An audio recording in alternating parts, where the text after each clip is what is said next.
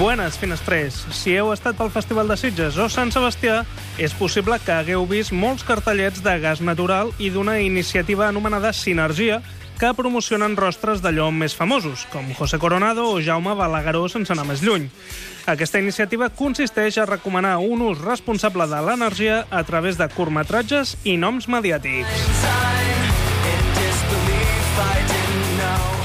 I tot just s'acaba de presentar la tercera edició d'aquesta iniciativa. Les anteriors van tenir presències destacades com Santiago Segura, Isabel Cuixet o Paco León. En aquest cas, el nom més destacat és el del director Daniel Sánchez Arevalo, responsable de pel·lícules com Azul Oscuro, Casi Negro o La gran família espanyola, i que és el principal impulsor d'aquesta edició.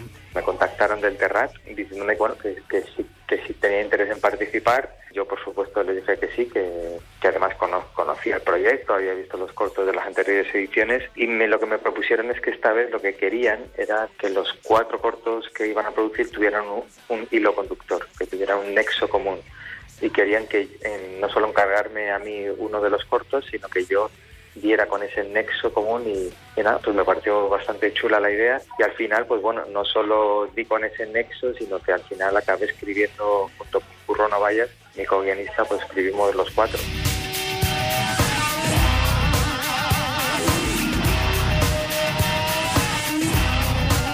La particularitat d'aquesta edició és que aquest cop són, novament, quatre curtmetratges dirigits per Quique Maillo, Borja Coveaga, Alberto Ruiz Rojo i el propi Daniel, però que sumats formen junts un sol llargmetratge titulat En tu cabeza. Técnicamente sí, se puede decir que es un largometraje porque, porque dura más de una hora y entonces todo lo que dura más de una hora está considerado un largometraje. Pero yo no, no creo que ha sido concebido con, como tal, yo creo que ha sido concebido como cuatro cortos que tengan entidad en sí misma, vistos por separado, pero que todos juntos formen una, una única pieza y que realmente es lo que le dé sentido final al conjunto. ¿no? Entonces, eh, más que un largometraje, yo diría que és una pieza, una pieza, esos quatre cortos conformen esa, esa única. Quatre directors diferents, però el guió dels quatre curts són del Daniel.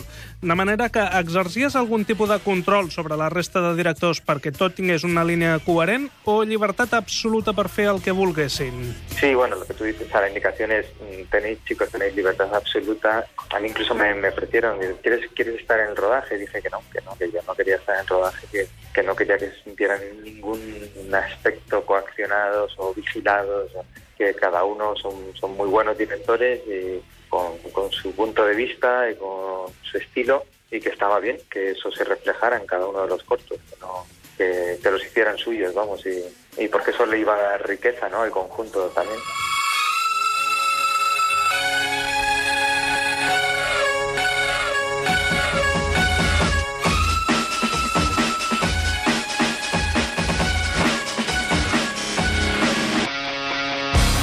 Els protagonistes de la pel·lícula són altres noms coneguts com Michelle Jenner o Hugo Silva, i la història havia de tenir per obligació un missatge ecologista sobre el consum d'energia responsable. El argumento gira en torno a un grupo de élite eh, del futuro, del 2052, que viajan al pasado para concienciar a la gente sobre, el, sobre la eficiencia energética y, y la importancia de preservar los recursos naturales, porque ellos ven en el futuro y saben los estragos que puede causar el, el no hacer un uso eficiente de, y no ahorrar, ¿no? Entonces, pero el, giro real de la historia es que el personaje de Michelle, aunque está prohibidísimo en estos viajes en el tiempo interaccionar o intentar cambiar el curso de los acontecimientos, y menos si tiene algo que ver con algo personal, pero bueno, pues el personaje de Michelle se salta a esto y bueno, pues quiere arreglar una serie de acontecimientos clave en su vida durante un año muy concreto, pues que y durante una persona muy concreta, que es el personaje de Hugo Silva, para evitar intentar conocer a esa persona o tener una relación con esa persona, porque eso de alguna manera luego le causó unos estragos a nivel emocional que los, que los ha arrastrado eh, durante toda su vida y quiere, bueno, pues quiere remediarlo de alguna manera.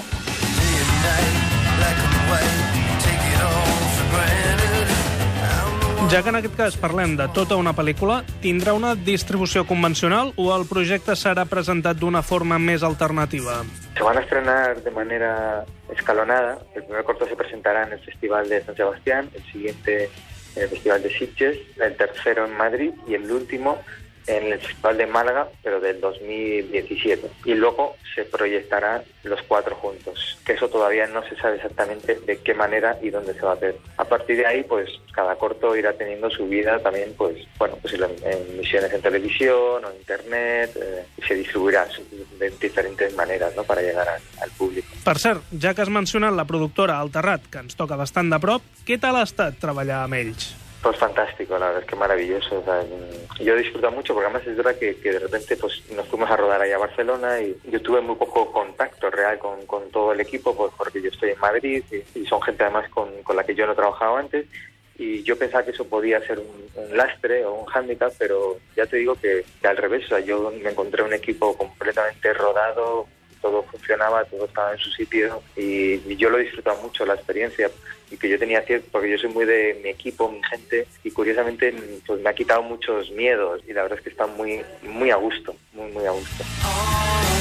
Doncs me n'alegro. Estarem pendents dels nous curtmetratges de Sinergia als respectius festivals de cine. I ja ho sabeu, estalvieu energia, excepte per quan estigueu veient pel·lícules. Això sí, amb les llums ben tancades. Oh,